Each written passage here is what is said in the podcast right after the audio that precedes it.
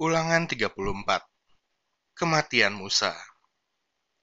Kemudian naiklah Musa dari dataran Moab ke atas gunung Nebo, yakni ke atas puncak Pisga, yang ditentangan Yeriko.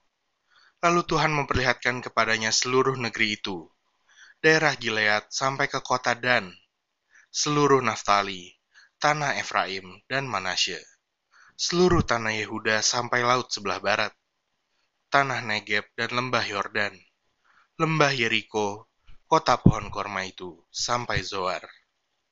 Dan berfirmanlah Tuhan kepadanya, Inilah negeri yang kujanjikan dengan sumpah kepada Abraham, Ishak dan Yakub.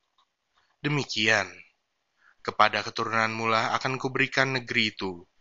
Aku mengizinkan engkau melihatnya dengan matamu sendiri, tetapi engkau tidak akan menyeberang ke sana.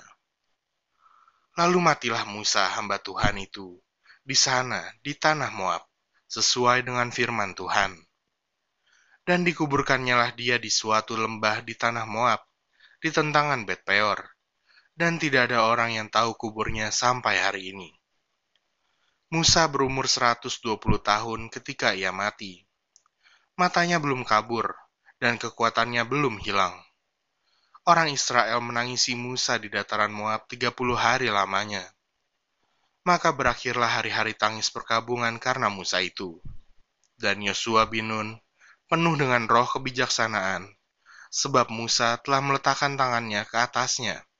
Sebab itu orang Israel mendengarkan dia dan melakukan seperti yang diperintahkan Tuhan kepada Musa.